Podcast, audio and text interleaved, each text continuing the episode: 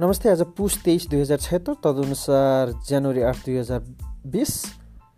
हामी गन्थन डट कमद्वारा सञ्चालित पोखरा न्युज पडकास्टबाट उपस्थित भएका छौँ। रेनबो एकाडेमी होम्स पोखरामा अन्तर्राष्ट्रिय स्क्र्याबल प्रतियोगिता। फिर्की पुलको काम रोकिँदा स्थानीय आक्रोशित। पोखरामा अर्को बन्जी जम्प बन्दै सेती गर्जमा बन्जी मजा लिन पाइने र पोखराको नदीपुरमा एक अर्ब चालिस करोड लागतमा अपार्टमेन्ट।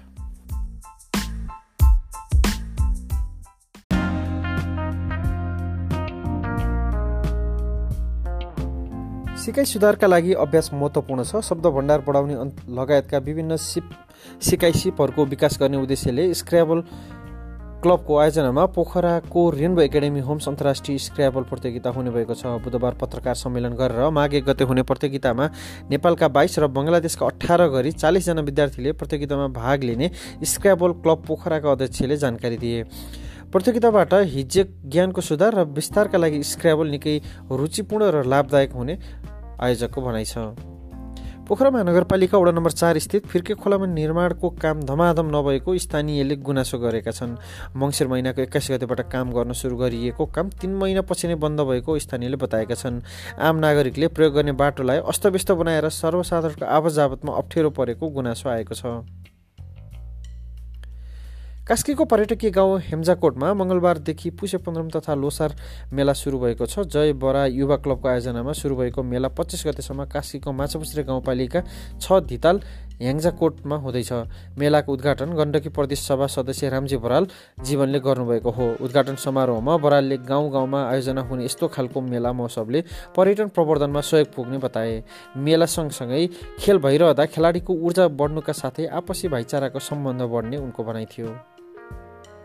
अमेरिकी नागरिक मिसेल एलेक्जेन्ड्रा वेल्स विरुद्ध विभिन्न निकायमा उजुरी परेको छ। बिजनेस भिसामा रही नेपाल आएकी मिसेलले आफू नेतृत्वको संस्थाबाट अवैधानिक तवरले रकम उठाएको भन्दै उजुरी परेको हो।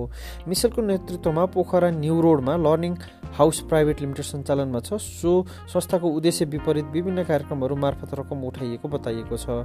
मिसेलले लर्निङ हाउसले सञ्चालन गर्ने व्यावसायिक कार्यक्रमलाई खाता लाइफ नामक वेबसाइट वेबसाइट मार्फत समाजसेवाको नाममा सात लाख अमेरिकी डलर आठ करोड नेपाली उठाइसकेको उनकै व्यक्तिगत वेबसाइटमा छ लर्निङ हाउस मार्फत सञ्चालित कार्यक्रमलाई अमेरिकामा दर्ता भएको खाता लाइफ वेबसाइटबाट प्रचलित कानुन विपरीत प्रयोग गरी आफ्नै मुलुकमा पैसा आर्जन गरेको उजुरी जिल्ला प्रशासन कार्यालय कास्कीमा परेको छ।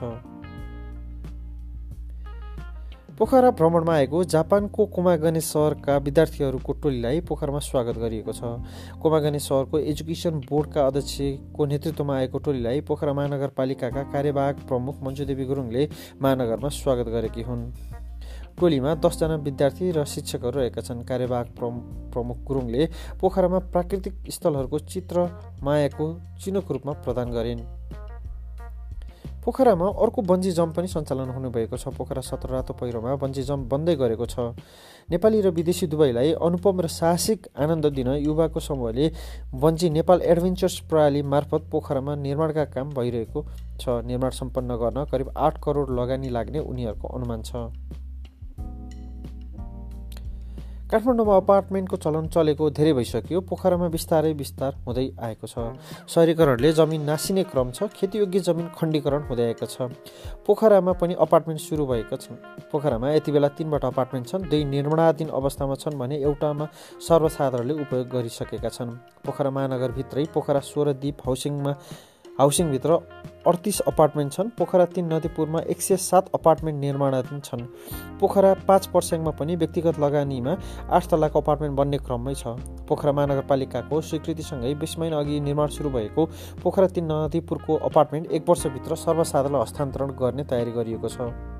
पोखरा तिनको apartment B N V confirm र गुडविल डेभलपर्स प्रणालीका दुई दुई गरी छ र अन्य चार सय दसजना लगानीकर्ताको निर्माणमा निर्माण सुरु गरिएको हो।